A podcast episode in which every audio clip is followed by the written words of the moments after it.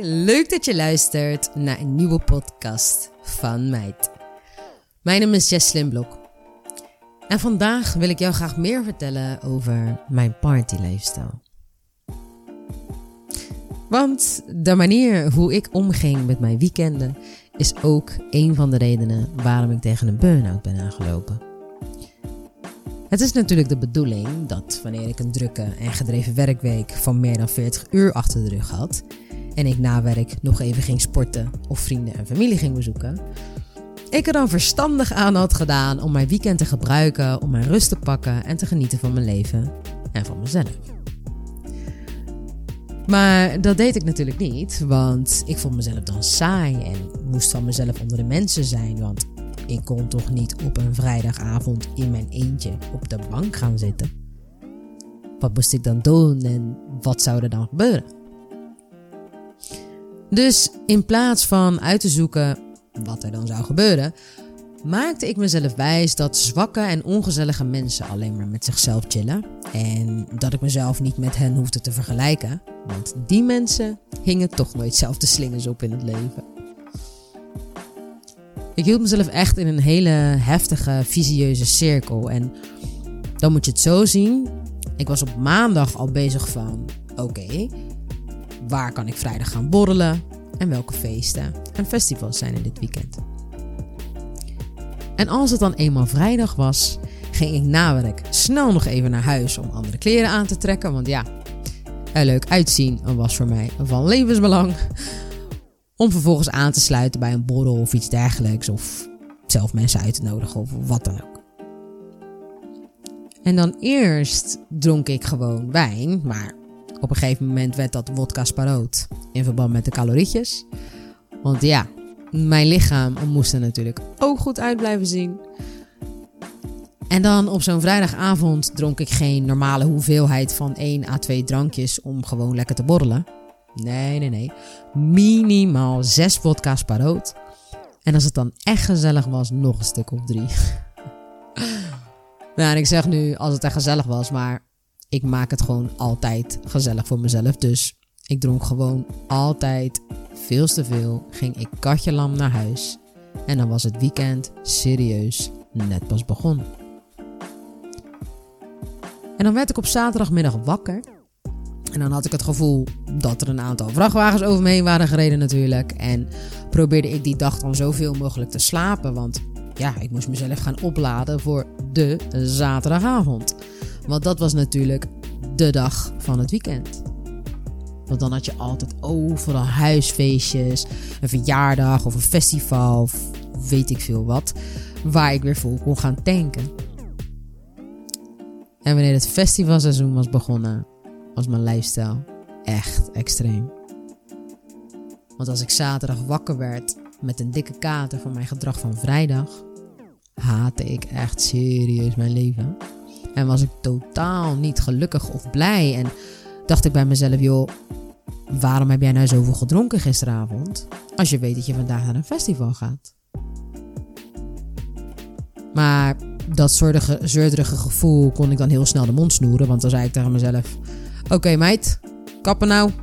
Gisteren was gisteren. Rustig blijven. Even douchen en iets eten. Straks gooi je er weer een paar desperadootjes in en een lading verdovende middelen. En dan kunnen we weer.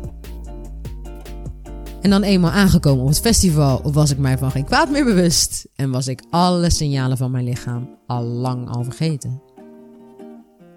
Het draaide er voor mij om om zo dicht mogelijk bij de DJ te staan, mijn handjes in de lucht en dansen. Het hele festival alleen maar dansen en gezelligheid, met mensen kletsen, nieuwe mensen leren kennen, zoveel mogelijk prikkels veroorzaken op zo'n dag. En eigenlijk in een hele andere staat van zijn bevinden in plaats van de daadwerkelijke realiteit. En dan ging dat hele festijn ging elke keer weer door. Want een festival is ongeveer rond een uurtje of elf in de avond afgelopen. En dan ging ik daarna naar een club. Waar ik volledig verder ging op precies dezelfde manier. Zo dicht mogelijk bij de DJ staan. En dan nog net niet in die fucking box klimmen. Om vervolgens weer met mijn handjes in de lucht te gaan staan dansen. En als het feest in de ochtend was afgelopen, begon dan langzaam een bepaald paniekerig gevoel omhoog te komen. Want ja, stel je voor dat ik naar huis moest. En dat ik mezelf in de spiegel moest aankijken om te zien wat ik eigenlijk de afgelopen uren met mezelf had gedaan. Nee, nee. In plaats van die confrontatie aangaan, ging ik door naar de after. En als ik dan op een gegeven moment zo moe was, zo moe was dat ik moest toegeven dat ik naar huis moest, dan was dat niet omdat ik al meer dan 24 uur wakker was en ik verantwoordelijk ben voor mijn eigen gezondheid. Dat was dan omdat ik naar een babyshower moest, of een verjaardag, of weet ik veel wat voor sociale gelegenheid dan ook. En dan eenmaal op die sociale gelegenheid zat ik daar met mijn kater op zondag.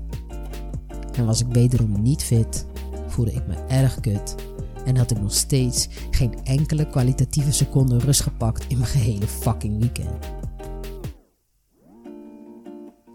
Het leek wel alsof dat ik verslaafd was aan die blijheid en gezelligheid die ik voelde op het moment dat ik naar zo'n feestje ging.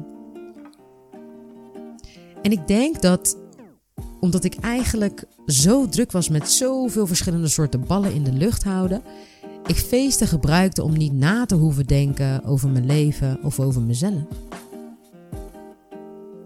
En dat ik het allemaal zo leuk vond, kon ik ook heel makkelijk tegen mezelf zeggen dat ik een super tof weekend had gehad. En het was ook zeker een super tof weekend, maar als ik dan maandag weer op kantoor zat, was ik zo verschrikkelijk ongelukkig dat ik echt alleen maar kon denken aan hoe leuk het weekend was. Of was ik bezig met hoe het vrijdag weer zou kunnen zijn? Want dan kon ik weer exact dezelfde destructieve, visieuze cirkel weer rondmaken. En zo ben ik jarenlang constant bezig geweest om mijn eigen lichaam en mijn mind zo erg te verdoven. Om alleen maar dat ene plaatje wat ik voor mezelf had bedacht in stand te houden.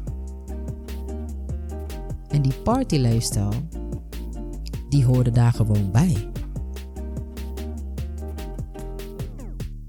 En nu dat ik hele dagen thuis zit en televisie niet eens kan verdragen of niet te lang op mijn telefoon kan kijken omdat het oprecht pijn doet aan mijn ogen en ik er hoofdpijn van krijg, ben ik dus aangewezen op alleen mezelf. Hierdoor ben ik erachter gekomen dat dat feesten en het gebruiken van verdovende middelen eigenlijk meer een beetje, ja, een beetje verstoppen was. Kijk, tuurlijk, het is fucking tof om dat te doen en het was ook heel erg leuk, maar iedere week? Had ik dat dan iedere week nodig om mezelf wijs te kunnen maken dat ik een fucking lauw leven had? Super gelukkig was en dat alles goed ging, terwijl dat in de kern helemaal niet waar was? Want ik vergat één heel erg belangrijk onderdeel van mijn leven. En dat ben ik zelf. En ik vergat mezelf ook dagelijks vragen te stellen die daadwerkelijk relevant zijn voor mijn geluk. Zoals: ben ik echt oprecht gelukkig met wat ik allemaal doe?